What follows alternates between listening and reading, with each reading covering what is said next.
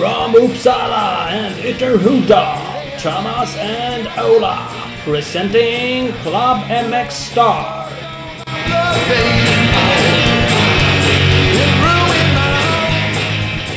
Vi kör återigen, Club MX Star, podcast. Yes! Det är ju så jävla härligt. Vi kommer prata med Espen Blixta, tränare på MX-gymnasiet. Precis. Mycket snack, träning. Eh, ganska långt avsnitt, men det, är en hel del mm, som säger att ni vill ha lite längre avsnitt. Träningssnack. Ja, det är en hel del som säger att Ja. ja. längre avsnitt. Ja, och framförallt snacka träning. Det är det som är, som har varit önskemål länge. Att, eh, mera träningssnack. Ja, det är så. De har ju trots allt varit med och fostrat Alvin Östlund som kör, kör jävligt bra nu och Norén som kör jävligt bra i USA. Så att, eh, någonting gör de rätt. Ja, onekligen. Mm. Helt klart. Eh, vi ska dunka igång det alldeles strax. Vi körde en tävling förra gången. Eh, ihop med Speed Equipment. Vi lottade ut en hoodie eller en, eh, en väst. Yes. Och där drog vi eh, av folk som mejlade in öppettiderna. Och Emil Andersson var det som vann där. Oh, grattis Emil! Så han kommer få ett mejlsvar. Om det är några tveksamheter så får han ett svar på mejlen. Så får han väl välja vad han vill ha för grejer. Det är bra. Eh, stort tack, tack såklart till Speed Equipment, KTM Succa Honda-handlare i Vänersborg. Eh, som är med och supportar podcasten. Ja, det är riktigt grymt. Med och supportar är också Husqvarna. Eh, och Husqvarna Scandinavia ska ni följa på Instagram, har vi sagt förut. Eh, där eh, händer lite grejer de uppdaterar. Eh, de har även ett nytt stort fint eh, huvudkontor i Örebro. De hade invigning här bara för bara några veckor sedan. Det är jag med. Ja. Finns säkert någon bild på det också. In och kolla direkt. In och kolla. Eh. Scott har vi som samarbetspartner. Vill man gå in och kolla där så kan man följa dem på Facebook. De, eller så bara slänger man sig i bilen eller på cykeln eller vad man har och drar till Falun helgen. För där eh, kommer Scott vara på Clash of Nations. Ja, det är ju skoterantävling. Mm. Och kör lite FMX och sånt där på vanlig hoj också. Det är ju uppvisning. Men Ja, Scott är med möjligt. stort och sponsrar det. Och det är ju jävligt kul. Vi är ju skitglada att de hjälper oss. Men det är, de är med på Clash, Clash of Nations också. Eh, Så det är riktigt grymt. När man ändå är på väg dit, om man i alla fall åker söderifrån, så ska man ju svänga förbi Speedstore. Utanför, eh, utanför Gävle. I Valbo ligger de ju. Eh, Sveriges nyaste Husqvarna-butik. Gästriklands största motocross och endurobutik. Ja, vi tror ju att det är det fortfarande. Ja, vi Kanske det. ljuger. Nej. Det är ingen snack. De är även med och sponsrar eller Speedstore Cup som drar igång 16 april. Första racet hos Folkar MK Avesta. Eh, 16 april, vad sa jag? Ja, 16 april i alla fall. Ja. De- De har ju en ren tjejklass. Eh, Så det, det är kul. Är man då tjej och inte vill köra med massa gubbar så ska man ju vara med och köra här. Och de har nya regler. De kör tidskval i samtliga klasser. Vilket gör att man hamnar ju helt enkelt i den finalen man fartmässigt ska vara i. Precis. Man kör väl, de kör väl kvalerna ihop med senior och ja, alla klasser i stort sett. Men sen hamnar man med folk som åker lika fort som dig. Ja, Så- så vi, Va? Jävligt jämna finaler. Jag tror det. Vettigt upplägg. Mm. Helt klart. Sen har vi även Mafi som är med och supportar det mesta vi gör. De är väldigt snälla och sympatiska. Så där ska ni in och följa Team Yamaha Mafi MX på Facebook. Med Rickard Sandberg, Carl Bengtsson, Ken Bengtsson, Rasmus Andersson, Tim Edberg i spetsen. Allihop i spetsen. alla i spetsen. Ken Bengtsson, tia i båda hitterna i MX2 EM. I Valkensvard. Eh, grymt. Vi kör igång. Vi ringer väl eh, helt enkelt till Espen Blixta. Gör vi. Espen? Ja, tjena Espen. Välkommen till Club MX Star. Tack så mycket! Tjena! Hej! Vi har lyckats ringa en månad två gånger nu. Ja, ja, okej. Så jag vet inte om hon är förvirrad. Ja, men då har ni kommit rätt nu i alla fall. Nu har vi kommit rätt nu i alla fall. Ja. Skönt. Du, du har ringt där som du har låtit svara åt dig och sagt något annat namn. Så att det är du som driver oss. Nej då, det... eh, det jag har suttit och väntat. Jag tänkte, vad fan, ringer mig inte för. Men eh, då har ni ringt fel i alla fall och då vet jag varför. Ja, du har försökt i alla fall. Vet fan. Ja. Två gånger dessutom. Ja, ja. Så är det. Är det bra med dig? Det är, det är bara bra. Jag som sagt var kurerat knät lite här efter operation men eh, det känns bra. Så det är väl, det är, ja, går åt rätt håll får man säga. Ja. Det låter skönt. Så här var du på något cykelmöte. Du var involverad i sånt också? Ja, Cykel. eh, jag dragit igång en cykelklubb här för några år sedan i Tibro. Så jag sitter med i styrelsen där, så då vi hade årsmöte idag. Så eh, jag var tvungen att klara av det innan vi kunde, innan vi kunde prata lite träning också. Men, Ja, det är bra. ja. Var, blev, blev du tvingad till någon ny, någon, någon stor titel i styrelsen? Någon Nej, större? jag, jag försöker hålla mig undan ordförandetiteln där, men eh, jag blir alltid invald i styrelsen på ett eller, ett eller annat sätt. Vi, det är inte så många som är drivande. Vi är väl ett gärning där på fem stycken som eh, tycker det här är kul att jobba med då. Så eh, vi får turas om lite och eh, flytta runt på platserna. Men jag är med i styrelsen i alla fall, det är jag. Så eh, Ja. fick jag väl titeln som eh, banansvarig eh, i år igen. Så det är väl jag som ska hålla ordning på de här mountainbikespåren i Tibro, är tanken då. Ja, ja, ja. Du ser, du ser. Ja. Är det massa, ja. massa enduroåkare som är ute och sladdar i dem? Ja, nej, det, det är väl mest gamla endurospår som vi cyklar på, så det är ju positivt på ett sätt. Men eh, det är inget allvarligt så, utan det är väl mer bara att det ska, om det är någon bro som ska byggas eller om det är något som är sönderkört så får man vara där med krattan lite och fixa. Så Mm. det, det är inte så allvarligt som det låter. Nej. Det är så. Kör du någon hoj förresten fortfarande själv? Nej, enduro? nej, Ingenting? ingenting. ingenting. Eh, jag körde ju något sånt där veteran eh, race i England där. Det är nog sista gången jag körde. Det var väl två år sedan då. Två eller tre år sedan. Eh, Ja. Eh, så, det, har- det har blivit mindre och mindre och alltså grejen med cross det är att det tar ju, det tar ju mycket tid. Eh, Mm. Alltså det är ju, träna en timme så är det ju 13 mycket två timmar. Och just nu så finns inte den tiden här i, i mitt liv. Så det är mycket jobb och eh, mycket familj. Eh, och så försöker man väl få till någon egen träning i form av cykel då, passar mig bra nu. Jag har haft ett knä som inte har funkat kanske med löpning och så. Så då, då har det blivit mer cykel. Och, och det är ju smidigt. Då kan man bränna av någon timme och ställa hojen bara och så är man färdig sen. Så, eh, nej, motorcykel var, var ett tag sedan nu. Ja. Är- Är det lättare att komma hem och släppa de grejerna som en cykel i och med att du inte har liksom cyklat på topp-SM-nivå? Är det svårare att, att, att åka cross och sen bara äh, ta det som en motionär och bara liksom skita i grejerna, låta det stå och ta det sen och sådär? Eh, Jo, men eh, att alltså, ja, alltså lite så är det väl kanske. Jag, jag känner innerst inne också att man vet ju, man vet ju lite vad man, inte kanske presterar, men hur man har kört i alla fall förut. Och eh, alltid när man sätter sig på hojen så tycker jag att Alltså farten och där, den, den har man inte kanske tappat så mycket. Det är ju mer timingen, eh, känslor i kurva och så här. Men eh, farten sitter där och det, och det är ju kanske lite en nackdel också för att det går ju kanske för fort för vad man är tränad för egentligen. Och, och sen eh, kanske man börjar gasa för mycket och så kommer det någon som man vet att man har kört ifrån förut och så ska man hänga på. Alltså det, det drar iväg rätt fort. Eh, så jag, jag, nej, det är väl ett, ett, dels ett medvetet val men sen är det tid också.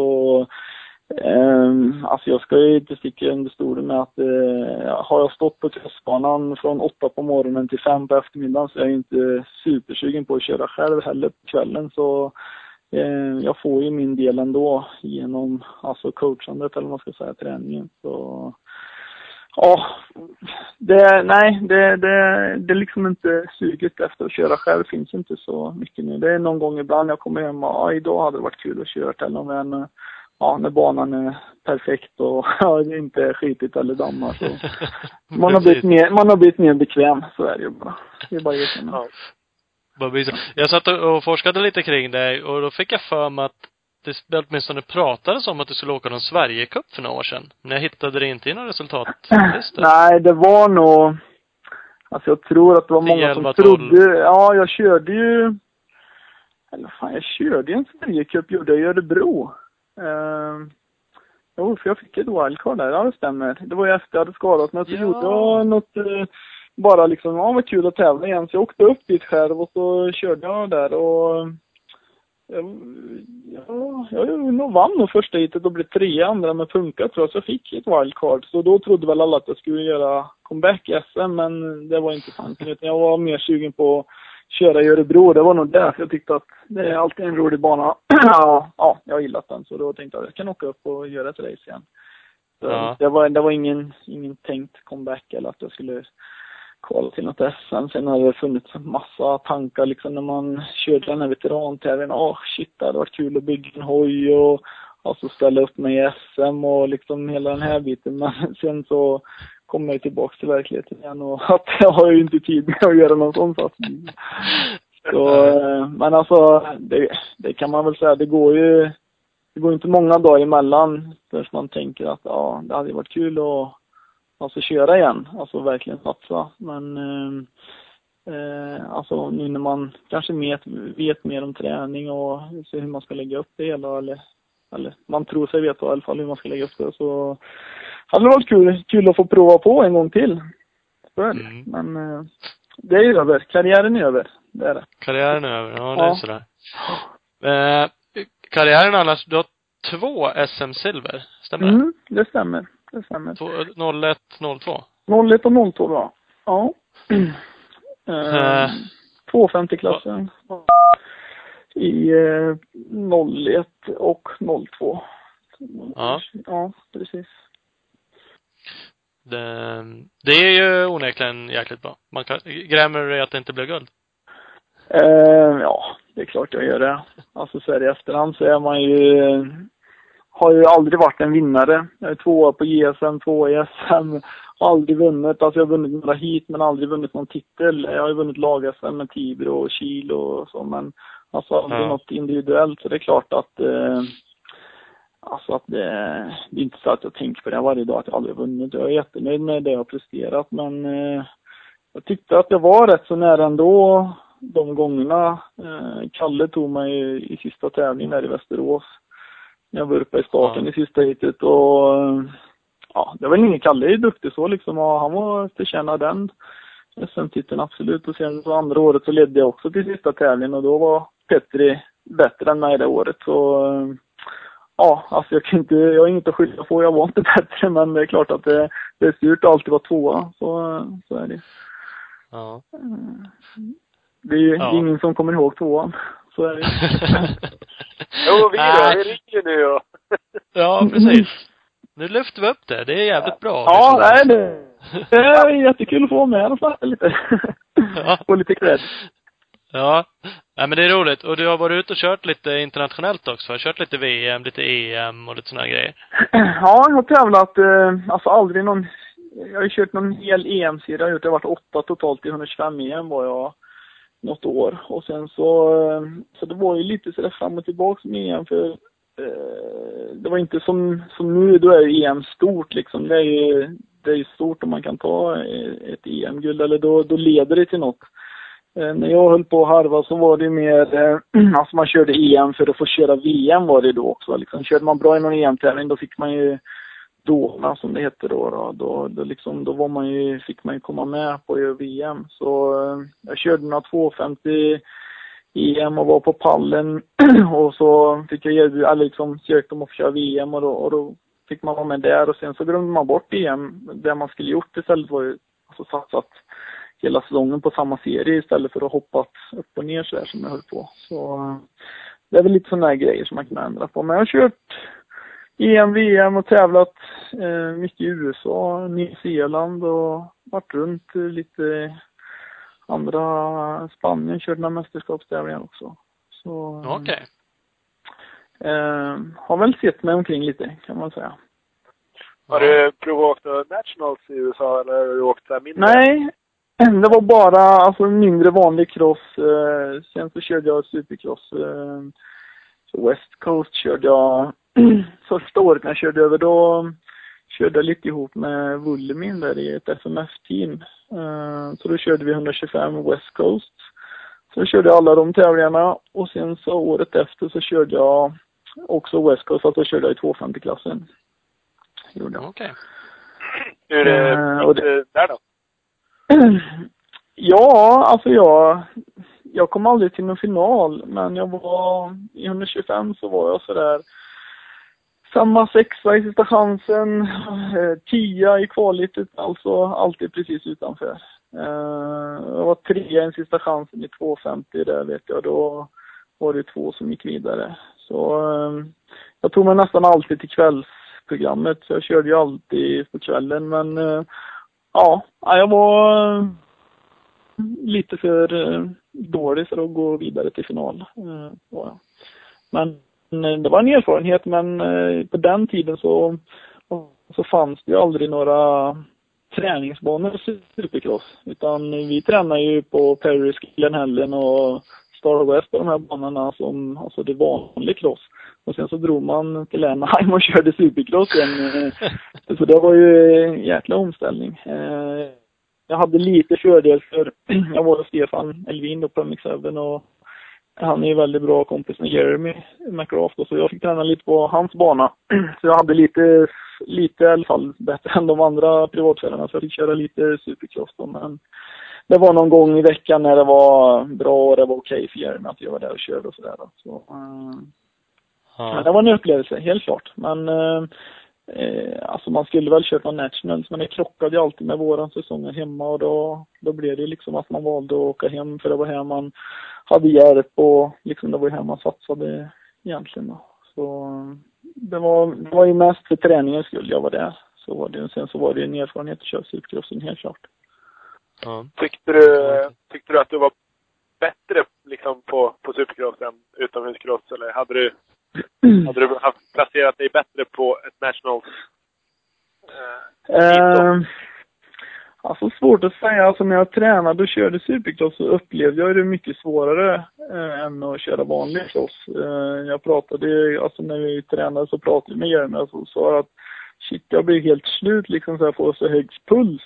Och han upplevde ju tvärtom då liksom. När han körde cross så blev han helt slut liksom. Han tyckte det var mycket lättare för han att köra supercross just med timingen och att han kunde slappna av med. Men eh, alltså resultatmässigt är det svårt att säga. Jag körde ju många sådana här eh, vinterserier där och körde med Ramsey och Pingree och eh, ja, de här som var snabba på den tiden under 25-klassen. Och vi spöade väl dem i några race och jag tror nog att jag kanske kunde gjort det lite bättre utomhus. Eh, I alla fall varit med i finalen och har kört. Det, det tror jag. Det är lite fler som får köra det men Ja, alltså de är duktiga. Det är, det är svårt att säga vart man skulle kunna hamna. Men, eh, mm. Självklart så har jag mer erfarenhet på crossen än, än eh, supercross. Det var ju, även om jag tyckte att jag varit duktig på att hoppa och timing och så här, så är det en helt annan grej att göra det ihop med 20 andra på en tight bana som, eh, ja, alltså inget som man har i Sverige att jämföra med överhuvudtaget.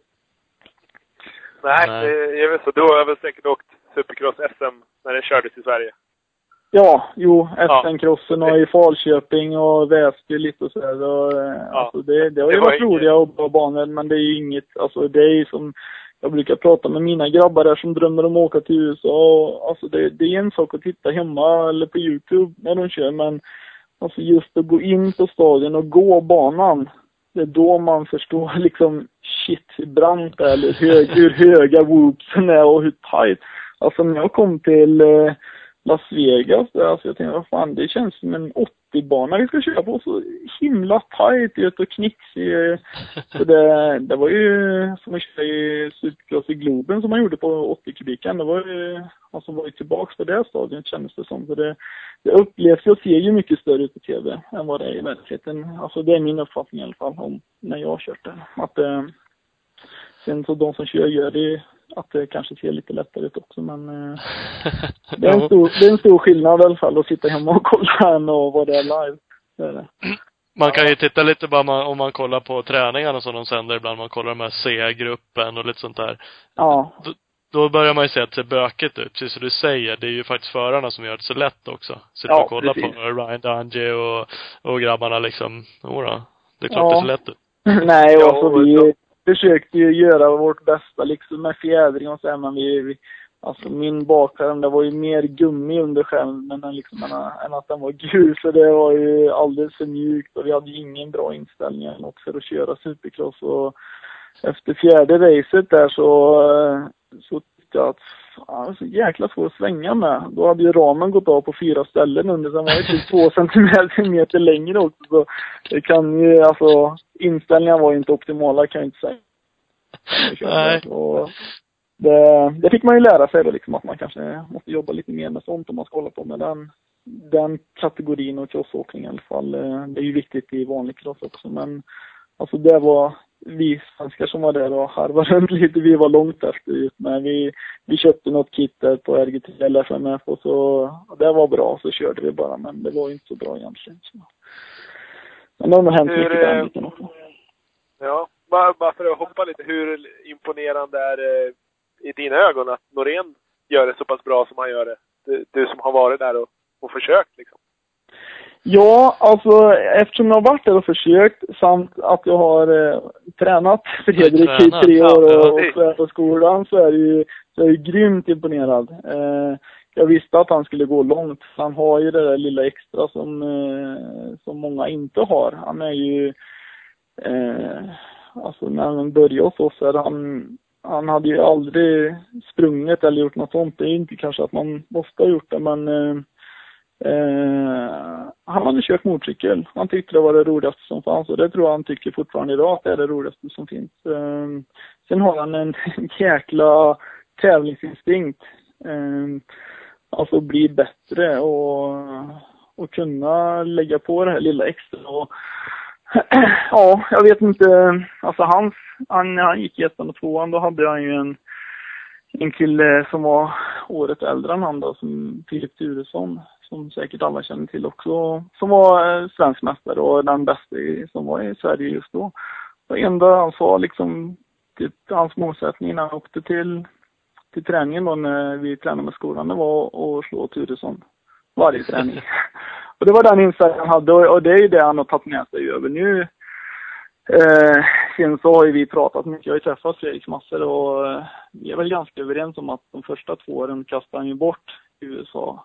Dels att han inte tränade tillräckligt och inte var tillräckligt seriös och jag tror inte han blir förbannad på mig om han hör att jag säger det nu men eh, jag, jag vet att han känner så själv men nu, nu, nu är han ju en helt annan person eh, på många sätt. Men eh, han har ju fortfarande kvar här liksom att den här instinkten till att höja sig och kunna hänga på snabbare förare och sånt som, ja, det är helt otroligt liksom. Det är inte få som har det liksom, som kan höja sig. Eh, alltså om man kommer i ett nytt motstånd så, så anpassar man sig om du förstår vad jag menar. Liksom att, Ja, eh, kör man i, i Roxen har väl eh, samma grej. Eh, som alltid har liksom åkt med folk som har varit större och längre än han. Och he- varje år han har klivit upp en klass så året efter så har han varit snabbare eller snabbast i den klassen. ja, I stort sett hela tiden. Och antar ju att Fredrik är inte en av de mest tekniska åkarna ni har haft på Tibro under åren du varit Nej, nej, nej, det, är- det är han ju absolut inte. Han är ju, alltså vi har ju nästan en helt sån eh, kyrkogård med grejer som ligger uppe i håran där vi tränar och liksom med skärmar och allt möjligt som har eh, sprutat som han får efter alla krascher. Men eh, han har ju något det där som vi pratar om att, eh, alltså viljan att vinna och, och så och ta fram det och anpassa sig att shit nu kommer ett hårdare motstånd här och liksom kunna höja sig där utan att det, ja det har ju, jag ska inte säga att det inte har hänt saker för det har det gjort eh, i början men eh, när han fick träna i en vinter mer eller mindre så så, så höjde han sin nivå alltså till topp tre i SM direkt och var stabil. Eh, och sen så har det bara blivit bättre. Sen så kunde det gått säkert snabbare i USA om man hade hållit i träningen lite bättre, haft lite bättre struktur. Men ja, svårt att säga vad som hände. Han, han var kanske lite ung, oerfaren och alltså gött att vara i Kalifornien och hänga och vinkla lite. Men eh, det var inte riktigt det här arbetet som han skulle lagt ner tror jag. Så, eh, men det har han ju gjort nu istället och fått betalt för det också. Eh, framförallt utomhus där han har kört jättebra och alltså det är imponerande. Många hade ju kanske varit nöjda och varit topp 10 men jag var ju eh, i, USA i somras och tränade lite med honom och pratade lite med honom och då Alltså han säger själv att han, han tillhör ju topp 5, liksom det är det jag vill vara. Så eh, alltså många från Sverige hade varit svinnöjda om han hade varit topp 10 i Nationals, men han, han har ju siktet inställt högre och det är ju det är imponerande liksom, för det är inga, inga dåliga killar han kör med heller. Så det visar ju lite hans styrka tycker jag, liksom att han aldrig ger sig och ja, vill alltid bli bättre också. Ja. Ja men verkligen. Verkligen. Det är ju sjukt kul att se. Mm. Det går ju liksom inte att komma ifrån. Jävligt imponerande. Ehm. Men det är konstigt. Ja, eller konstigt. När, när du sa att när han kom till skolan så var han inte så träningsvillig. Eller det var han inte. Han hade inte tränat så mycket förutom att åka hoj. Nej, han hade ingen erfarenhet av övrig träning. Det hade han inte. Han var eh, som en degklump. Ska inte jag sitta här och vara jättenegativ om Fredrik Norén. Han är ju en av de största som vi har i svensk cross just nu. Men eh, han var eh, inte tränad.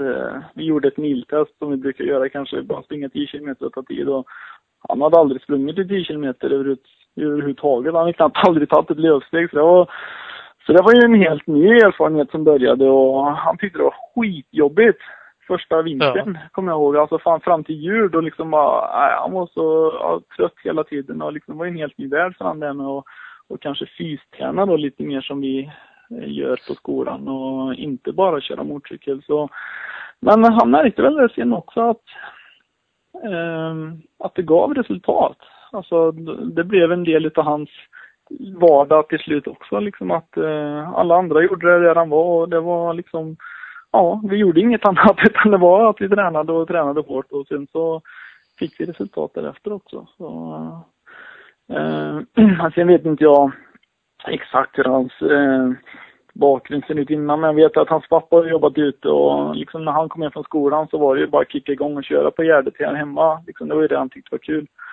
Ja. så vi kan åka lite i Falköping och sladda lite där och så. så eh, sen eh, försökte vi väl kanske strukturera det lite och sådär och hjälpa honom och ja, just med motorcyklar och liksom med träning och så. Sen så ramlade väl inte polletten ner helt.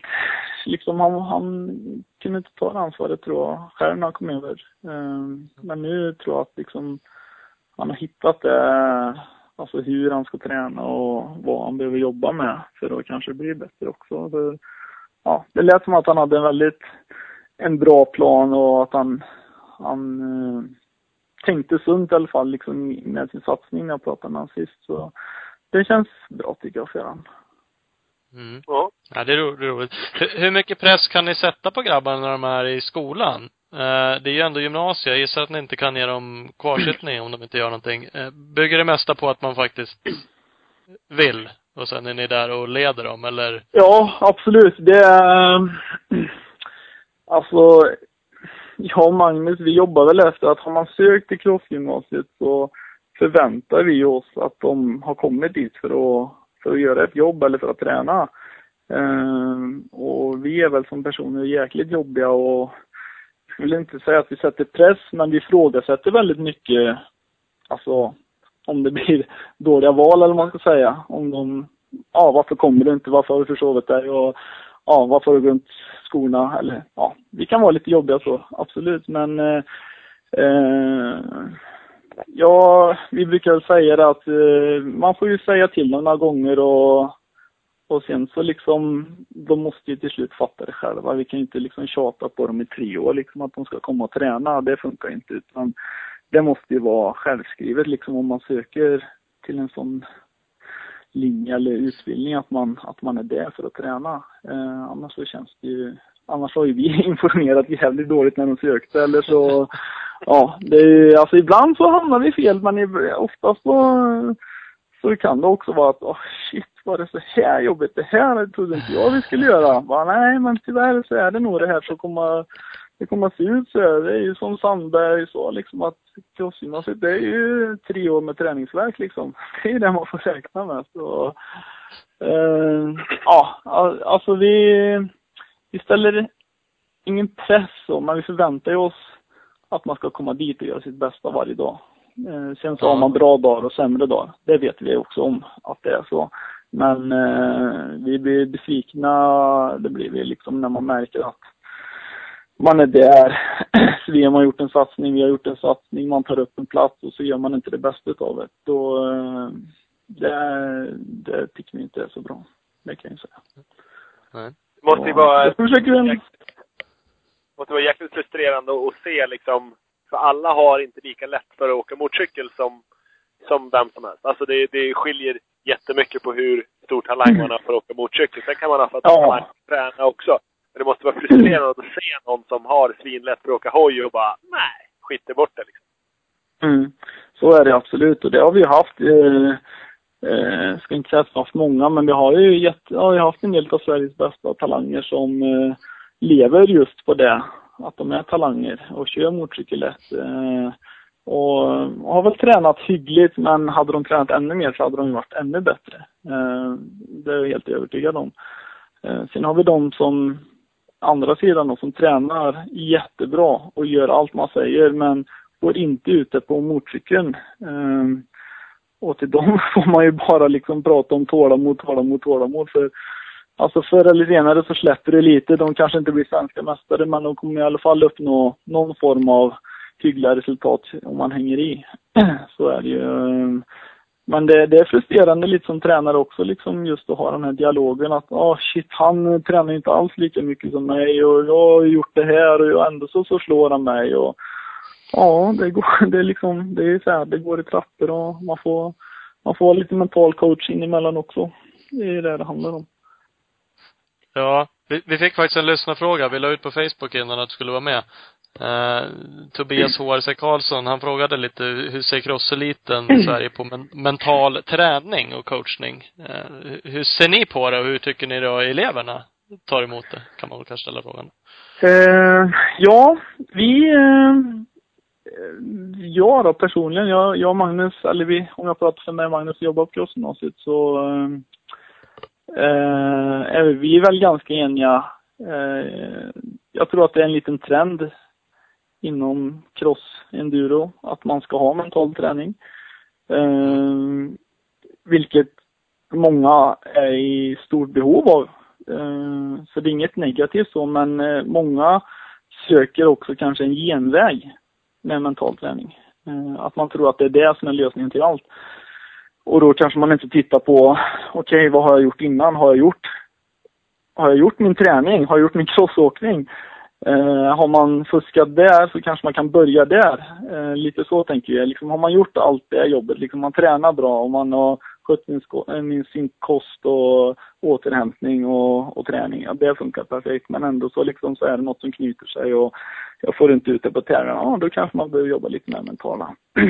eh, och vi, eh, många tror ju att vi är helt emot det, men det är väl det bara att jag och Magnus, eh, alltså vi har så jäkla mycket andra grejer som vi håller på med så, och ska man sätta sig in i mental träning eh, så är det ganska stort känner vi och det kan vara Alltså det kan vara tunga grejer som kommer upp också, liksom när man börjar gå in och grotta lite så här. Så vi känner att vi lämnar gärna bort det till någon annan eh, som är proffs på det här. Som kan sköta det vid sidan om så inte vi behöver ha, alltså den delen också.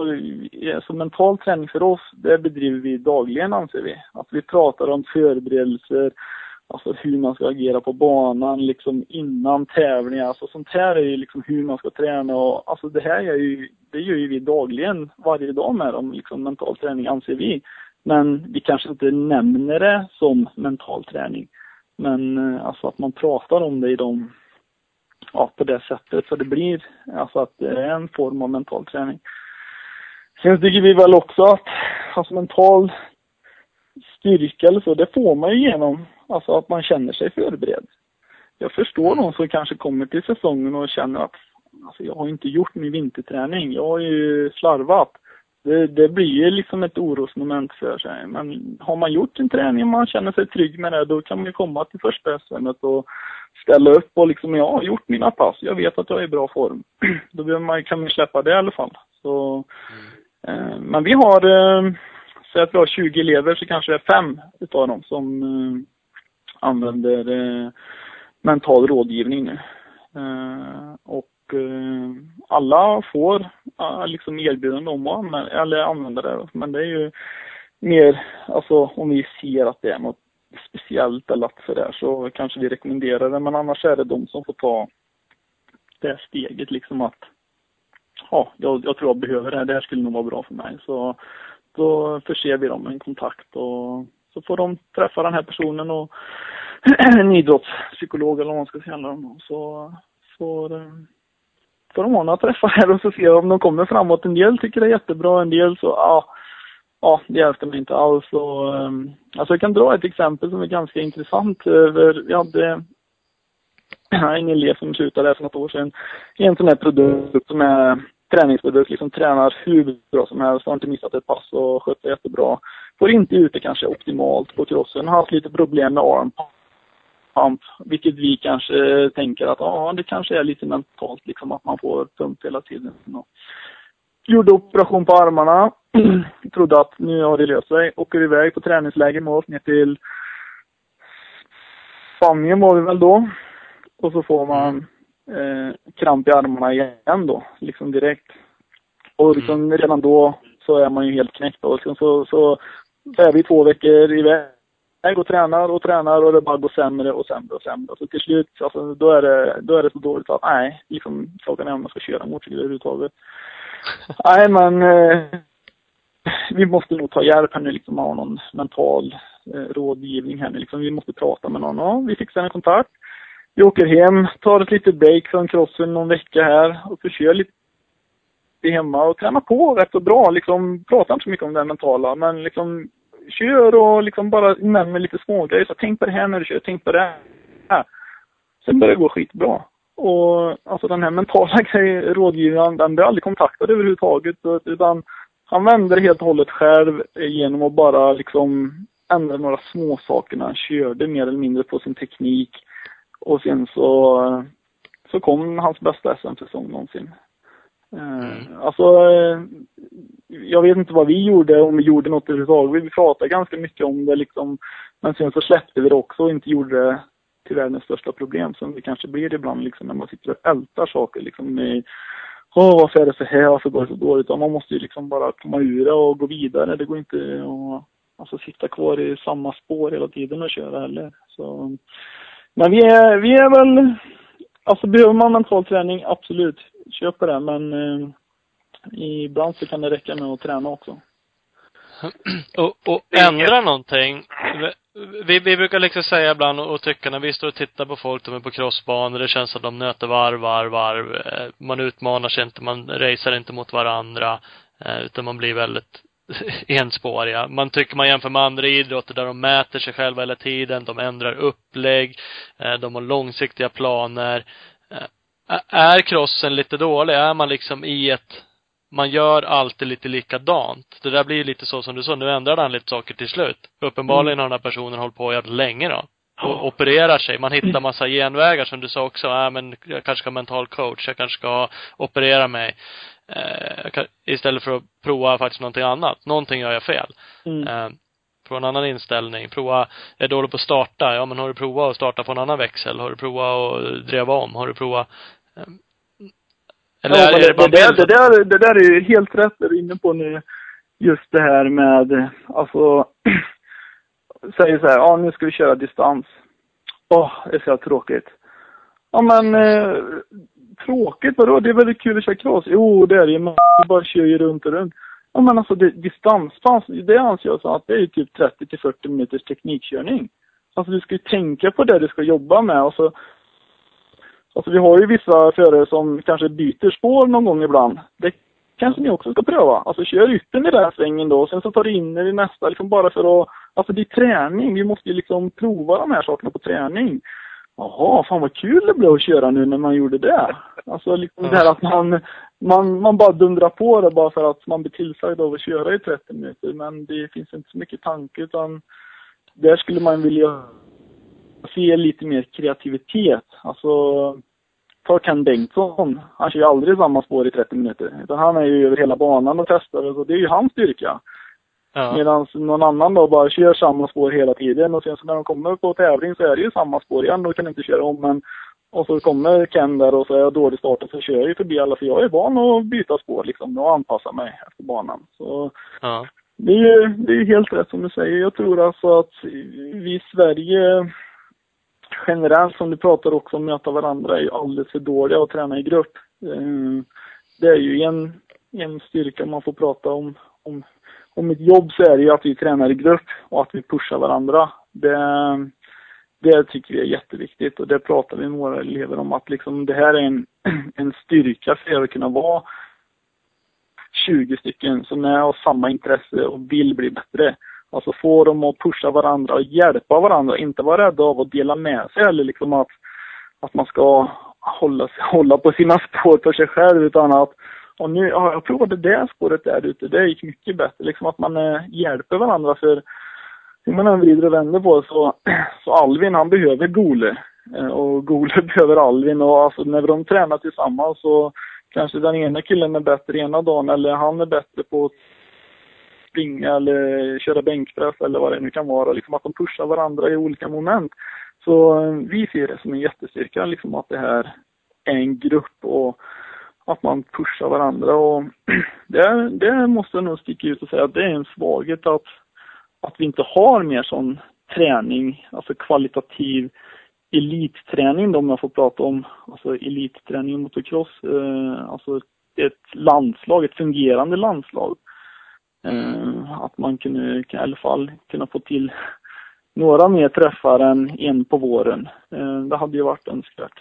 Från, från min sida, utifrån sett i alla fall.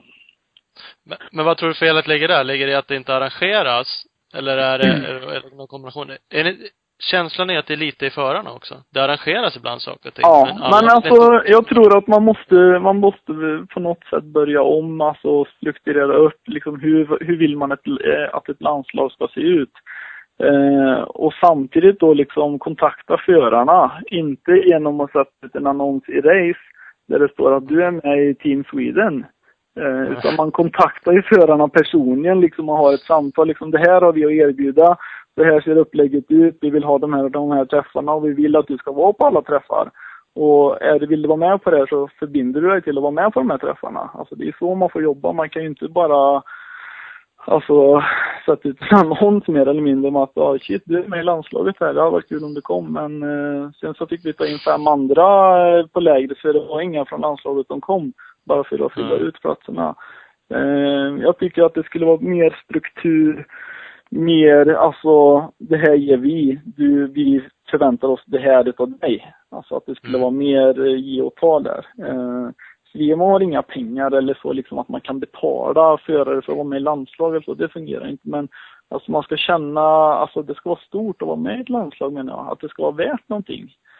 Eh, ja, vilket, vilket landslag, vilket landslag som helst nästan så, ja, har du chans att vara med det så får du vara med det. Vill du inte så får du tacka nej. Men jag tror inte du kan bli uttagen i något landslag och bara ah, skit i åka dit. För det var ju långt till det där träffen där. Nej, och, ah. precis. Utan är man med i ett landslag då förväntar man sig att man ska komma på samlingarna samt att man ska alltså ställa upp på dem ja, säg att det är lag-VM eller lag-EM och liksom är man med i den truppen då, ja, då är man en av de som har chans att köra det. Men då får man ju komma på sina Mm. samlingar också. Men jag vet det är svårt det här med förarna. Jag vet själv liksom när man körde man var ju helt insnöad i sig själv och skulle köra sin egen träning, var rädd för att träna med andra men samtidigt så nu i efterhand så ser man ju att det är det som höjer förarna. Alltså de ska ju samlas fler gånger. Alltså vi behöver ju Filip Bengtsson, och alltså de här Alvin och alla de här snabba måste ju köra med, med varandra. Jag kan bara dra ett exempel från idag, från våran träning idag här. På eftermiddagen så så uh, körde vi lite intervaller och pushade på dem hårt och uh, tyckte, ja, Anton Gole körde ju jäkligt bra nu, liksom riktigt bra. Så kommer Alvin upp, han slutar lite senare och uh, körde några sekunder snabbare. Och helt plötsligt så, så höjer sig Anton också då. Och det hade han ju inte gjort om inte Alvin hade kommit, om du förstår vad jag menar. Så det, det, är ju det som är skillnaden, liksom att de måste ju liksom få det här extra motståndet hela tiden. Uh, och det blir svårare för Alvins del då, för han är ju, han är ju snabbast. Liksom, så, men han är ju uh, han är ju för bra för att vara kvar hos oss för länge nu. Så det är ju bara bra att han får vara mycket i Europa och träna mot bättre. Liksom. Det är det som gynnar han. Men för de andra här, de måste ju ha det här motståndet. Och det är ju så jag tänker i Sverige. Vi är för dåliga för att liksom inte hjälpa varandra anser jag. Alltså vi är ett sånt litet land. Vi måste ju träffas mer, matcha varandra mer. Inte att någon kör i, i Västerås och den andra i Enköping och kör. Utan de ska ju träffas på samma bana självklart och, och köra lite tidskval eller dra några start eller liksom ligga och dra några tempo. Det är ju så man blir snabbare, inte genom att möta varandra sex gånger om året. För det, det är ju alldeles för sällan, anser jag. Mm. Ja, det är helt, så där har vi ju sagt i nästan varenda avsnitt vi har pratat om cross i stort sett. Att, ja. att det har, har, ni någon, har du någon koll på liksom hur många SM-medaljer ni har på skolan sen, sen ni började med den liksom? Det måste ju vara, alltså det måste ju märka skillnad. Att går man där, ja, då, då händer det någonting. Är det så enkelt? Ja, nej det är ju absolut inte så enkelt. Ehm, och det är väl det kanske många tror att, åh oh shit vad gött, nu börjar crossgymnasiet, nu börjar svensk mästare. Men det är ju, det är ju lite bakom också, måste man ju säga. Och vi har ju, alltså vi har ju ganska höga målsättningar, eh, alltså från förbundet och skolans sida. Vi ska ta två JSM-medaljer varje år. Eh, vi ska ta en SM-medalj. Eh, och alla förare ska bli elitförare. Eh, tjejerna ska vara topp 10 i MX Girls tror jag. Just den här SM-medaljen, alltså det var ju något som att Nej, ni har ju blivit så bra nu så var ju Svemo sa att det måste vi ha som ett mål att ni ska ta en SM-medalj varje år. Och vad, men, vad, fattar ni hur lätt det är att ta en SM-medalj? Det är ju liksom bara tre stycken. De flesta finns 250 på skolan så det är ju bara alltså tre platser. Ja, nej men det måste vi ha. Och det har vi ju faktiskt lyckats med nu eh, sen vi införde det. Och det var väl en ja, fem, sex år tillbaka. Så det började väl med Turesson och så var det väl eh, Norén, eh, Aspegren, Kalle Olsson, Ja, Alvin, eh, det har ju rullat på. Jag har ju ingen koll känner jag här nu, men eh, det har ju varit många bra som har, det har gått, som det har gått bra. Vi har ju lite sådana här tröjor hänger på, på skolan där, ja. de som har lyckats där då, som har tagit medaljer. Och Emily får inte glömma heller, hon har ju också tagit ett guld. Um, men det, um, ja, alltså det har ju gått bra. Det, det är ju så, det går inte bra för alla, men uh, de flesta höjer sig ju. Sen så kan ju inte alla bli svenska mästare, det vet ju vi också, men våra målsättning är att, att liksom de här tre åren försöka få dem så bra som möjligt. Det är ju det vi strävar efter. Uh, sen mm. ibland lyckas man och ibland så går det inte.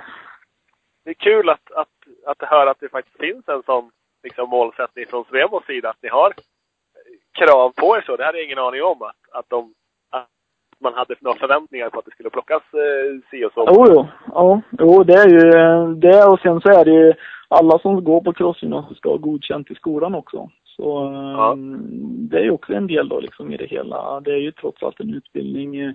Även om många ser det som tre års träningsläger så går de i en skola samtidigt som de ska sköta det. Och det är viktigt och det, det är nog ganska, eller både skolledningen, vi och Svema är överens om att liksom att skolan ska skötas, liksom, de ska ha godkänt. Vi kräver inte att de har A i alla ämnen, men de ska vara godkända. Ehm, och vill de ha högre betyg så får de jättegärna sträva efter det. Och det är många som vill det, men några är ju där mer för krossen, så är det ju bara en utbildning. Så, ehm, men så länge de är godkända i sin, sina program, där, bara i sin utbildning, så är det inga problem för våran del. Så, så det, alltså vi har ju krav på oss och det, det är väl bra på ett sätt, upplever jag också, för då är det lättare för oss också att ställa krav på våra elever liksom att det här det här, det här vill eh, Svemo och det här har skolan och vi kommit överens om. Alltså det är dit vi siktar. Så någon utav er får göra jobbet så, det, så vi får den här medaljen. Sen vem det är, det spelar ingen roll, men någon, någon måste lyckas. Någon drar som fan. Mm. Precis. Ja. Nej då, man vill ju att alla ska vinna, så, eller vinna, men alltså att de ska få lyckas, det är det viktigaste. Liksom att de ska få känna att, att de gör framsteg. Eh, det är ju det man jobbar med dem för. Men som jag sa innan, alla kan ju inte bli svenska mästare och alla kommer inte bli det heller. Och, eh, ibland när jag är superfrustrerad kommer hem här på kvällen helt vansinnig liksom för att det inte kanske har gått vägen eller någon som man är, inte har eh, liksom dratt jämnt med eller fått fram sitt budskap till och då säger min fru alltid att men alltså alla vill nog inte kanske bli svenska mästare. Nej, jag vet.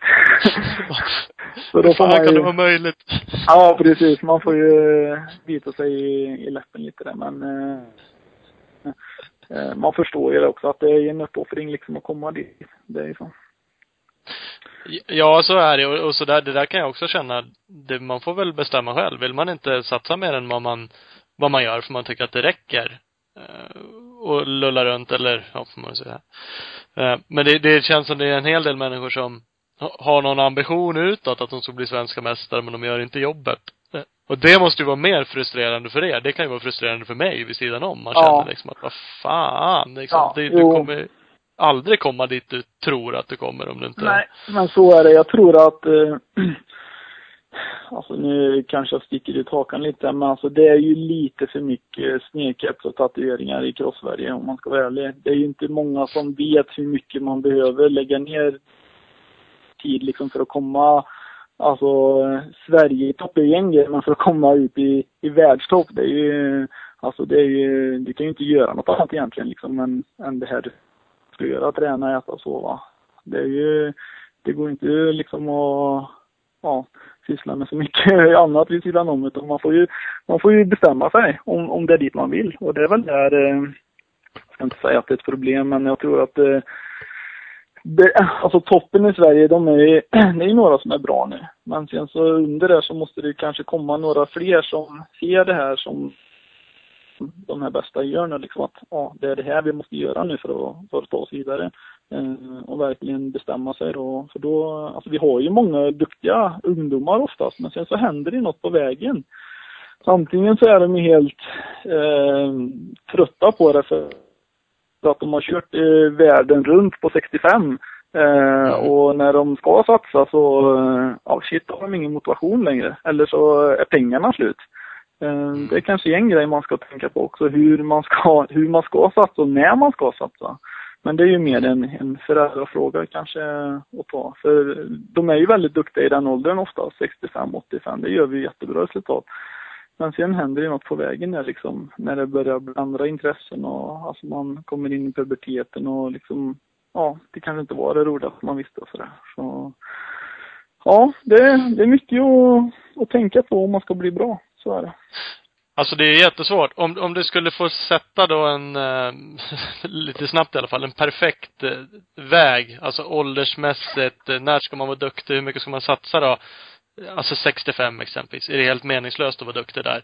Eh, 85 spelar inte det heller någon roll. Är det 125 man ska bli duktig, 250 när man är 16?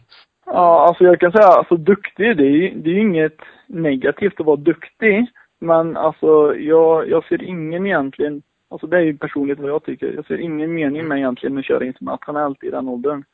Eh, det är först efter man har gått in i puberteten som man verkligen ser på om det kan bli något eller inte. För det är då man utvecklar sig och alltså man får eh, sina muskler och alltså det är då körställning och allt blir rätt mer eller mindre. Eh, eller så som det kommer att vara framöver. Du kan ju se jättebra ut eh, 65-85 och sen så växer du två decimeter där plötsligt så blir det eh, alltså helt kast istället. Men eh, jag skulle nog vilja eh, säga att eh, ung ålder, håll på med så många olika sporter som möjligt. Eh, ha kanske cross som huvudsport. Att liksom det här är det jag tycker är kul. Men kör gärna fotboll, innebandy, badminton, basket, mountainbike, eh, snowboard, skateboard. Liksom kör så mycket som möjligt. Eh, så, så länge som möjligt också. Eh, tyvärr så, de som söker till oss nu då när de börjar gymnasiet, håller du på med någon annan sport? Nej, jag kör bara cross. Eh, jag har inte tid med något annat. Hej, hur mycket tränar du då? Två gånger i veckan. Okej. Ja, men då har man ju Ja, problem med liksom. Facebook. Vad sa du nu? Det är mycket med Facebook sen resten av veckan. Det Ja, på. jo, alltså det, så är det ju liksom. Det tar ju också tid. Det får man det får man väl också tänka på i den här, eh, alltså vi, vi är lite dinosaurier nu när man har blivit så gammal men eh, de, eh, de lever ju ett annat liv, så är det ju. Och det märker man ju som, som tränare också, liksom just det här, alltså vi brukar kalla det internetgenerationen eller tv-spelsgenerationen. Jag och Magnus är liksom, om vi ska, man ska göra en teknikgrej så, så tycker ju de att jag kan det här nu. Jag måste ju köra, jag måste göra liksom level 2. Du vet, för om man spelar Ja. tv-spel, har klarat level 1, då vill du ju köra level 2 direkt. Liksom, du vill inte köra level 1 igen. Alltså flera Nej. gånger. Vi vill ju alltid köra något som är mer utmaning. Men eh, alltså det första man får göra då, det är nästan att ställa den här frågan, vad är träning? För det är ju ingen som kan svara på det utav våra elever förrän vi har sagt svaret då. Och två och tre kan ju det då liksom, men nej, jag, jag vet inte, vi, vi kör väl runt lite här nu då, det är väl det som är träning. Men träning är ju, träning är ju repetition, att man, att man gör saker till, liksom flera gånger. Jaha, då blir det så här liksom, därför måste vi köra den här svängen nu liksom hundra gånger, för att det sitter. Men de ville ju köra två gånger och sen så, ja men kan vi inte köra på det hoppet sen också? Och så kör vi nästa sväng. Liksom. Och de är ju inte inne i det här liksom repetitions, eh, som, eh, som vi kanske som inte är uppväxta med eh, tv-spel så mycket, att man ska liksom, det ska vara så nytt hela tiden. Utan, så det är en utmaning som tränare. Alltså att man måste förklara att träning är repetition. Vi måste göra det många gånger liksom för att det ska sitta då. Och, mm. Men eh, ja, åter till ålder när man ska satsa. Jag vet inte. Jag tycker att eh, många föräldrar gör fel i Sverige, att de satsar alldeles för hårt för tidigt. Mm. Det kommer jag säkert få skit för nu, men eh, de bränner sig. Och de bränner sina pengar i helt onödan. Kör hemma, var duktiga här hemma. Och sen så åka ut, prova någon gång, absolut. Men det räcker kanske när ni kommer ut på upp i 125 anser jag. Alltså man behöver inte dra alla de här EM-cirkusracen på 65-85 för eh, alltså den rutinen ni skapar er, det, det, det kan man göra alltså senare ändå tycker jag. Mm. var duktig här hemma och var en toppåkare, då är det dags att kanske ta steget ut. Eh, vi tittar väl alltså, det är lätt att och prata om Alvin för att de kanske har gjort allting rätt men eh, han har ju, alltså när han började hos oss så hade han ju inte kört motorcykel på vintern en enda gång. Han har aldrig kört dubbdäck. Nej, nej, men eh, alltså vi kommer nog köra lite på vintern nu. Alvins pappa tyckte inte han skulle göra det ändå. Så jag bara, ja men, eh, ja men vi kommer nog i alla fall köra på lite. Vi kör inte dubbdäck men alltså vi har ju sådana möjligheter så vi kan nog köra fram till jul nu på sandbanan. Mm, ja, vill ju gärna att han eh, inte kör så mycket på vintern. Jo, dels för att han ska vara fräsch och ha motivation. Det är ju ett sunt tänkande men alltså nu, nu har väl både Erik och Billan liksom insett att han behöver ju göra det. För ja. Qatar är i liksom slutet på februari så klart han måste köra motorcykel. Men eh, det var en helt ny värld för dem också liksom att man skulle köra så mycket motorcykel. Eh, han hade ju spelat bandy och åkt längdskidor. Det var ju det han gjorde på vintern. Så man får inte vara rädd för att göra andra saker heller och man behöver inte göra som alla andra och liksom ja, köra hur mycket som helst eh, i tidig ålder. Vi har ju haft de eleverna också som när vi vill lägga i, lägga i tvåan och liksom nu kör vi. Nej shit, fan, jag har åkt så mycket buss du vet, jag är rätt trött där. Jag vill vara hemma lite på sommaren och grilla du vet och vara med kompisarna. Jaha, okej. Okay. Så alltså, det, det, är lätt att bränna sig och det är väl eh, det, är väl det jag kan skicka med liksom ta det lite lugnt och satsa när det gäller sen liksom. Det som har hänt på 65 eller 85, det spelar spelar egentligen ingen större roll, anser jag. Eh, det är bra att få köra, men inte, man behöver inte dra land och, alltså utomlands. Det, det, det tycker inte jag eh, ger så mycket. Är man en toppåkare i Sverige och har inget motstånd, absolut dra ut och kör någon gång då, men eh, annars så kan man nog köra kvar i Sverige rätt länge. Det tror jag. Mm. Ja, men det, det, det är nog så. Och som sagt, det är jävligt lätt att bränna sig på saker. Även om man tänker att motocross är det roligaste man, man vet, så är det inte roligt att, att göra varje dag. Eh, eller åka väldigt långt för att göra det. Jag pratade faktiskt med Erik någon gång före, ett Alvins pappa, om just det där. Då var det så ah, vi sitter liksom inte och, och bränner ner till Skåne varenda helg nu för att åka hoj liksom, utan vi har en träningsbana här uppe som vi kör lite på liksom. För det, det tar för mycket tid att åka buss, säger han liksom. Vi mm. bränner ut Alvin, vi bränner ut familjen, för vi har inte tid att göra andra saker. Eh, och lite, det lät jävligt klokt liksom när han sa det där att oh det måste ju funka runt omkring liksom. De är ju en familj liksom, vet jag inte, men många har ju småsyskon eller syskon. Det ska liksom hanteras massa saker. Man måste ja. ha tid och råd med en vanlig semester någonstans och man måste, eh, för att palla liksom. Nej, man, måste vara, man måste vara hungrig när det gäller, så är det och det är det jag menar med, alltså, man pratar ju om att man kanske har tio år, Eh, alltså som elitförare och liksom börjar man med de här tio åren för tidigt, alltså säg att man börjar satsa internationellt redan när man är 12 år liksom, då, då kanske man har bränt sig redan när man är över 20 och det är då man ska börja satsa. Um, och alltså jag är rädd för att det blir lite för mycket så i, i Sverige. Det, vi har många Alltså barnen vill säkert köra, de tycker det är kul att köra men för de, deras skull, det spelar ingen roll om de är i Torchenthal eller om de är i, i Vrigstad och kör. Nej. De skiter i det, de tycker bara det är kul att köra. Och liksom de har ju sina kompisar och det är ju bara det är ju själva grejen för dem. Men eh, jag tror det är mycket föräldrarna som styr där och heten liksom att eh, Alltså du kan ju gå ut på och kolla på en 65-träning. Det är ju ingen som kör för original, det finns ju inte längre. Alltså det är ju XL-färger, det är trimrör och det är fjädringar hit och dit. Alltså original, det går inte att köra på säger de. Men alltså hur gjorde vi då? Alltså det är klart man kan köra på en originalhoj. Och det brukar jag ta upp när jag har, alltså det är inte så ofta jag har något träningsläge, men ibland är man med någon gång och så, alltså hur tänker ni? Jag brukar bara säga så, hur tänker ni då? Föräldrar, liksom måste de ha de här rören och styrena och färgerna? Va? Nej, det är ju vi liksom, det är vi som bara köper massa jävla grejer och Ja men hur blir det sen då liksom när de verkligen kommer upp? Då, då, då, kommer det, då är de ju vana med att ha allt det här. Då måste man ju verkligen liksom ladda på. Ja. Istället då för att kanske köra en standard och sen så Ja men vi kanske kan prova ett trimrör här nu och se liksom om det är någon skillnad. Oj, det blir jättebra men alltså vi kanske börjar någon gång på standard och sen så nu behärskar du den. Nu, nu kanske vi kan köpa något annat då liksom för att ta nästa steg. Inte ha allt direkt. Som det är lite för mycket om det kanske. Ja. För mycket för tidigt. Ja men det är nog lite så. Tänk om någon, om man nu har råd eller man har de pengarna att bränna. Tänk om man satte dem på en fond då istället för att bränna det där på 65 kubik, vilket är helt onödigt. Antingen har man en hyfsad sudd med pengar och klämma in när de är, när de ska vara duktiga och ut och åka i Europa. Mm. Eller så har man en sudd med pengar att göra något annat för. Om de har hunnit ledsna då. Ja, ja, ja precis.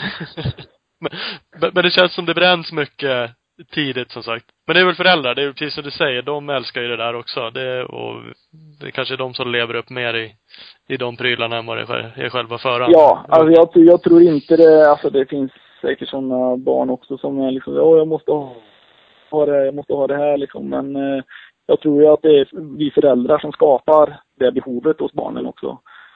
Mm. Eh, för de vet ju inget annat liksom än att det är roligt att köra motorcykel. Eh, sen behöver man inte ha en 12 meter lång buss för att åka motorcykel. Utan man kan komma med bil och släpkärra i början också. Det är helt okej. Okay. Men det är ju mer, alltså det är mer tävling i depån än på banan, anser jag.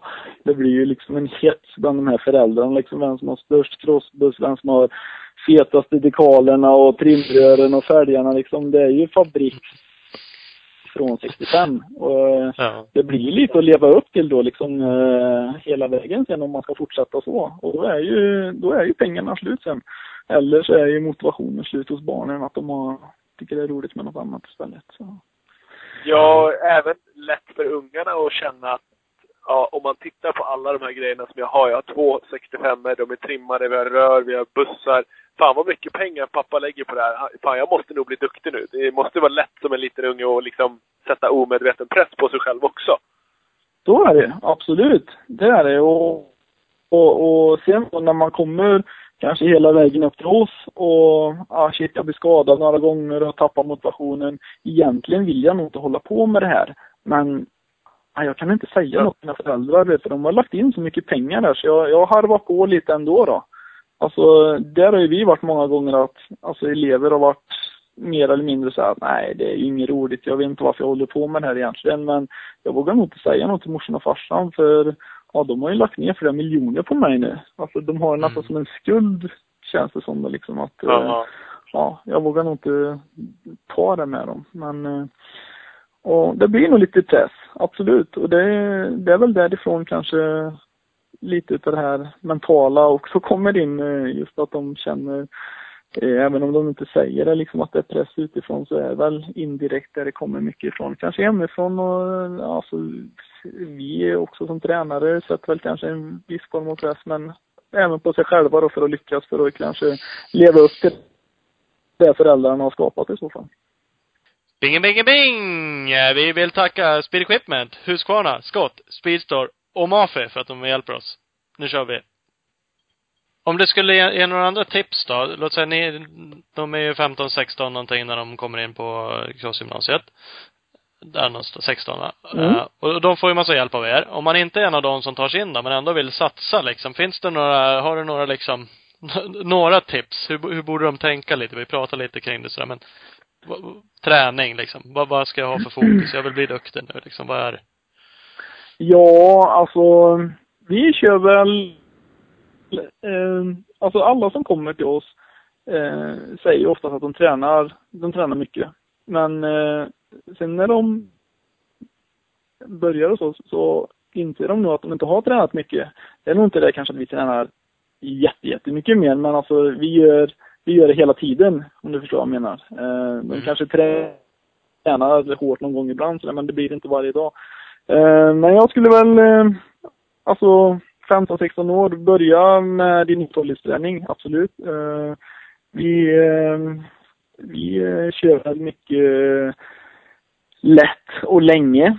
Eh, eller ja, kapillärträning som vi säger då, liksom A1-pass. Eh, 65 till 75 procent utav din maxpuls ungefär. Eh, gärna pass över en och en halv timme. Eh, alltså att man börjar där någonstans och liksom göra den biten. Och sen så varvar vi det med eh, intervaller då som är runt mjölksyratröskel, eh, ibland lite över.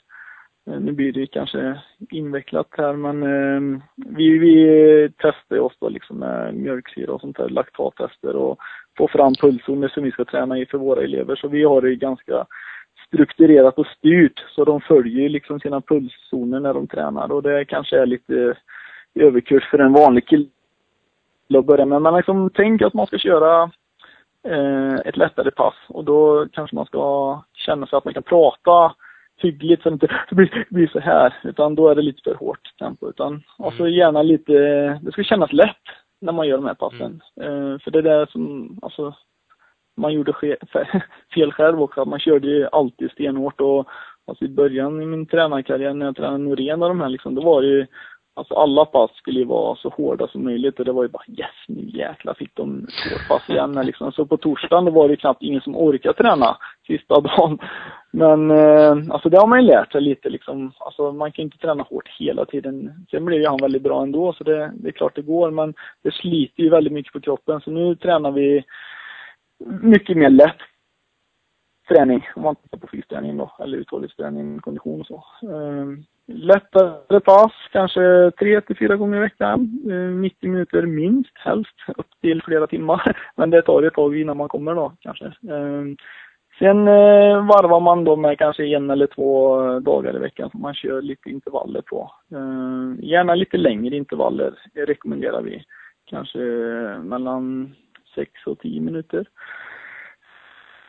Eh, och så kanske man kan göra tre, fyra, fem eller sådana då. Eh, beroende på, alltså är man helt otränad så kan man inte hoppa in direkt i sån träning, men man får ju känna sig för lite. Men vi brukar säga 3 till 4 långa pass, 1 till 2 hårt pass i veckan om man tittar till exempel på cykel eller löpning eller om man pratar om uthålligt, någon form av uthållighetsträning i alla fall. Sen så eh, om vi tittar på styrketräning så gör väl vi eh, eh, kör vi ganska bas styrketräning med knäböj, marklyft, frivändning, chins och dips. Eh, sen så kör vi väl oftast, vi gör en gång i veckan. Sen så gör vi ett annat styrkepass som är mer funktionellt och med, med kroppen som styrka kanske. Eh, med både eh, alltså med armhävningar, medicinbollar, eh, rep, eh, kettlebells och lite sånt där. Eh, eh, sen minst en gång i veckan så kör vi ett bålstabilitetspass i alla fall. Eh, Mm. Det här är under vintertid jag pratar om det då, mer eller mindre liksom som uppbyggnadsträning. Eh, så alltså rekommendationen är väl att köra lätt och länge och, och så skilja på de passen. Alltså de hårda och de lätta passen. Att lätt måste vara lätt och hårt måste vara hårt. Det är oftast det man gör fel, att man, man kör så här mellanmjölksträning som man kallar det. Alltså att allt blir så här halvhårt. Distanspasset blev, det blev 45 minuter sprang, men man sprang ganska fort. Men det var inte tillräckligt fort för att det skulle varit räknat som, alltså intervallträning. Och det var inte tillräckligt lätt för att det skulle vara liksom eh, långdistans. Så, Mm. alltså skilja på det. Alltså att man kör lätt när det ska vara lätt och hårt när det ska vara hårt. Det tror jag att kan man börja där så, så har man nog kommit en bra bit på vägen. Eh, och inte vara rädd för att prova andra sporter. Eh, inte bara fokusera på crossen. Alltså vintertid, kör gärna längdskidor eller cykla eller gör alltså inte bara för man man hör ju om det. Ja, men vad tränar du? Ja, jag kör cross. Ja, men på vintern då? Ja, då kör jag cross på helgen. Ja, men på veckan? Ja, men då gör jag inget. För vi har ju ingen crosslängd på veckorna då, för då är det mörkt. Alltså att man måste ju liksom göra andra saker också. Man kan inte bara alltså, tänka cross hela tiden. Eh, Nej. Nej. Det är det är, väl, alltså, det är väl lite, ja, det är väl lite så det ser ut hos oss. Inget fokus fokus och vi har aldrig stängda dörrar utan eh, man är välkommen att titta in och alltså det är inga, inga hemligheter egentligen med träning. Det är mer att man ska få en bra struktur på det eh, och att det är individuellt anpassat liksom. Eh, vi, vi som sagt tittar mycket på pulszoner och eh, alltså det är svårt för killar och tjejer i, i den åldern. För man vill ju, alltså nu pratar jag från mitt jobb sett att de som kommer hit, de är ju väldigt målmedvetna, vill ju gärna vinna. Och ska man springa, ja ni ska springa i två timmar här nu, så drar de iväg. Och så vet de ju exakt vilken puls de ska hålla. Men det glömde de ju sen, för då var det någon som sprang lite snabbare som var bättre tränad då. Så då hängde de ju på den. Och då kanske det går hela året liksom att de har sprungit lite för hårt hela tiden. Så gör vi ett nytt test men man, det har inte blivit så mycket bättre. Vad, vad tror du det här kan bero på? Ah, jag har nog kört lite för hårt. Ja, det har det nog gjort. Och så liksom får de lära sig det då kanske. Det tar lite längre tid men eh, till slut så blir de jätteduktiga på det här. Alltså, det är helt okej okay att gå ut och springa i två timmar och så komma till en backe och nej, nu får jag gå här. Det är liksom det gör vi också. Alltså, det gör alla skidåkare och vad man än pratar med. Liksom att det är okej att gå en backe bara för att hålla nere pulsen och så får man springa på sen igen. Det är ju, alltså det är ju så man måste tänka liksom att jag gör det här för mig själv. Eh, alltså om jag springer fortare, det, det blir jag inte bättre av. Utan eh, det är bara för att hålla den andra i sällskap då. Men han springer på sin puls och jag springer för högt så jag blir mer sliten. Så imorgon får jag betala för det istället när vi ska göra intervallpasset för då kommer inte jag orka komma upp i den pulsen jag ska ha. Och så när de lär sig det, då, då har de ju vunnit mycket känner vi. Och det tar, det tar några månader liksom innan, innan det har ramlat ner hos alla liksom att det är så här jag måste eh, tänka med min träning liksom på mig själv. Eh, att det är individanpassat. Men det är lite det vi pratade om, det är det här lite, tänka lite mer. Som vi sa när man är ute och åker hoj Ja. också. Kör inte bara liksom 35 minuter runt, runt i samma spår. Och fysträningen är på något sätt, vad, vad är det du vill uppnå? Varför gör du det? Varför kör du en intervall liksom? Och varför Mm. gör du den si och så här lång? Eller eh, lära sig då puls, klocka exempelvis. Det är ju inte rocket science så. Nej, inte för att jag kan det sådär, men det är ändå, det är många har det ju. Det är ju ganska Ja. billigt att köpa en pulsklocka. Ja. Eh, Men det är också, alltså när eh, det, det kan man väl också säga att generellt sett, nu har inte jag varit runt på varenda träningsanläggning i Sverige och vet hur alla tränar men eh, jag tror att när man åker till träningen så har man inte en enda tanke på vad man ska träna. Så man åker dit och så kör man bara. Så vi kan, vi kan åka till skolan, med skolan, kanske till Uddevalla innan SM och så ser man typ tre eller fyra toppåkare i SM som är där. Och vad tränar de på? Typ ingenting. Bara kör runt, kör runt. Alltså de tar ingen sektion, de tränar inte alltså något tidskval eller alltså gör någon teknik eller starter eller Alltså det är mer bara, ja jag har varit i Uddevalla och tränat inför SM. Ja, vad tränar du på då?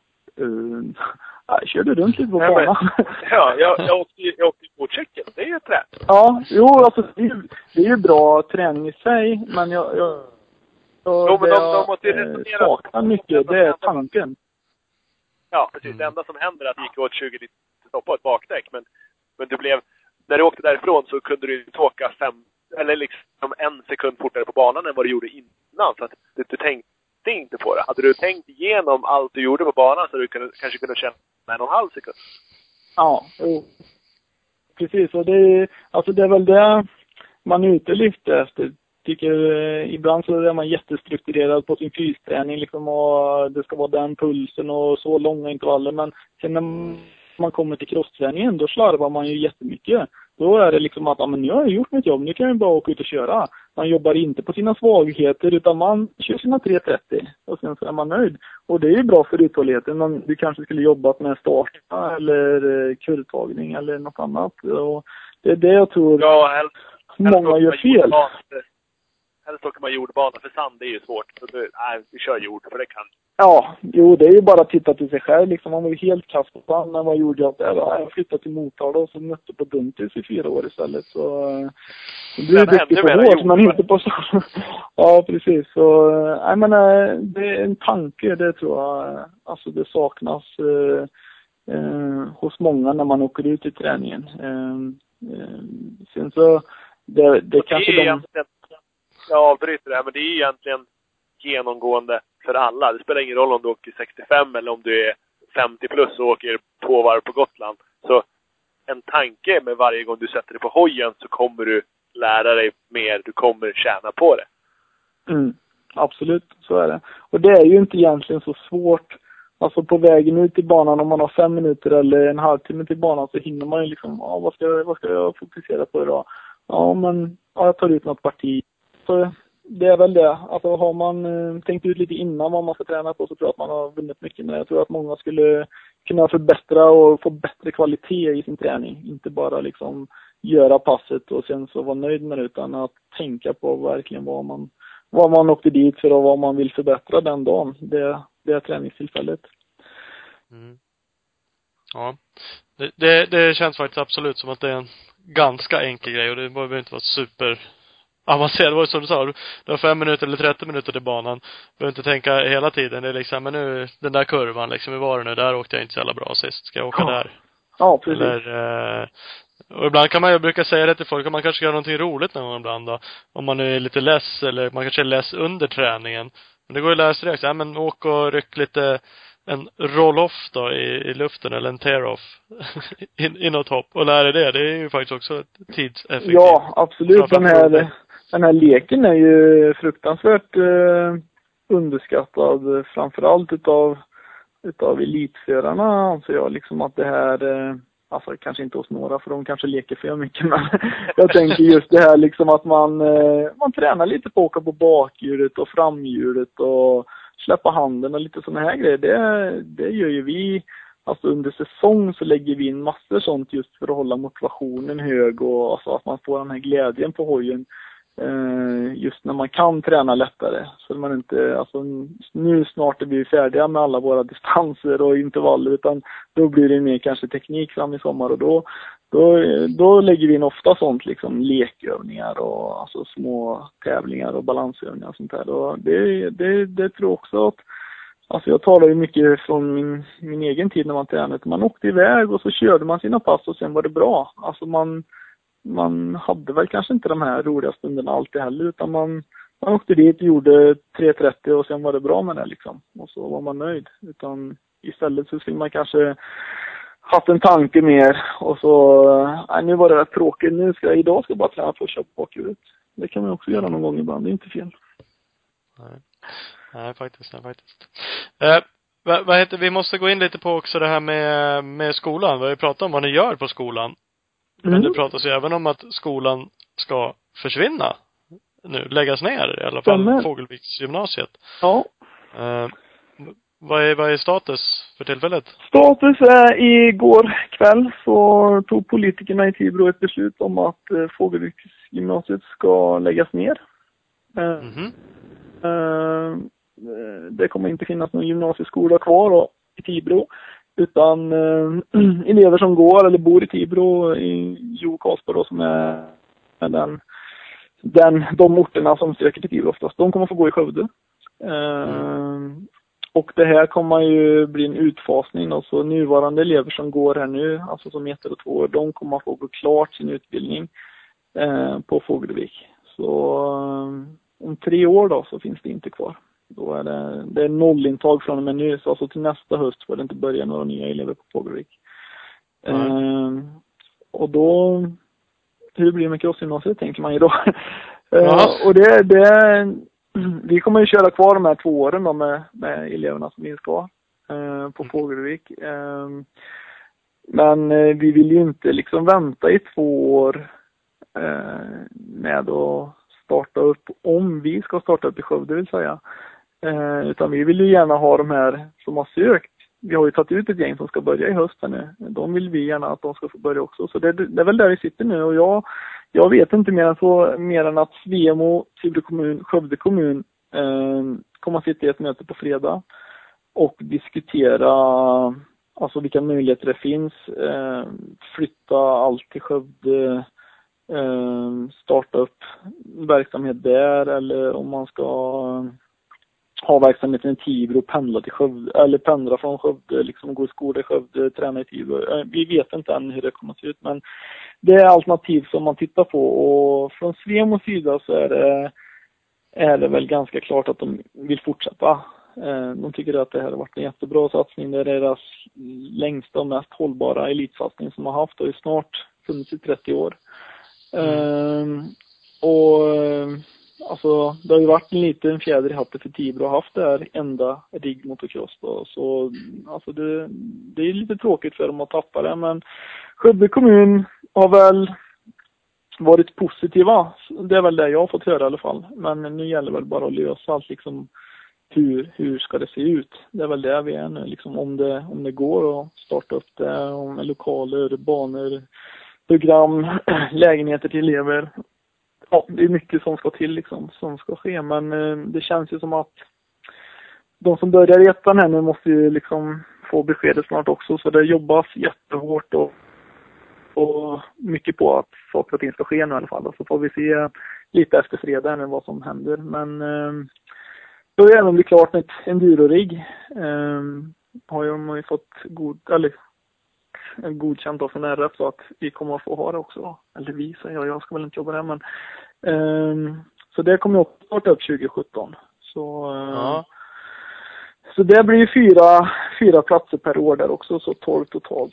Um, och det, det blir också spännande. Det blir något helt nytt. Så um, Ja, så på ett sätt kanske det är naturligt att det ska flytta, inte vet jag. Det, det är ju inkört här i Tibro och allt går lätt här och vi har våra banor och lokaler och så men eh, ja, det är ju alltså på ett sätt som jag och Magnus säger, det är jäkligt surt alltså när man inte får vara med och bestämma liksom. Okej okay, om crossgymnasiet hade gått skitdåligt, det är inga som söker, vi får inga resultat.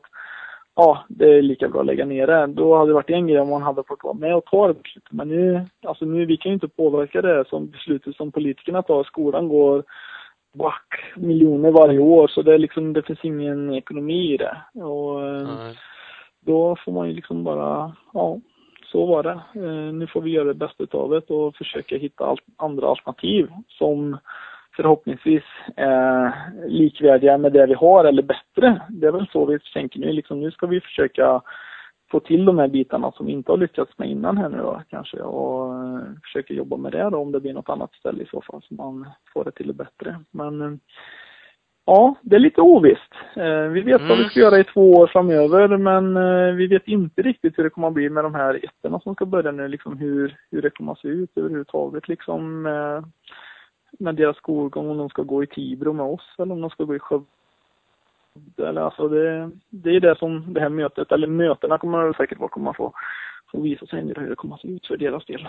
Men eh, ja, jag hoppas på en, en fortsatt eh, satsning, dels från Svemo och vilken kommun det än är nu då som driver crossgymnasiet. Så vi hoppas vi att det, att det kommer bli fortsatt i alla fall.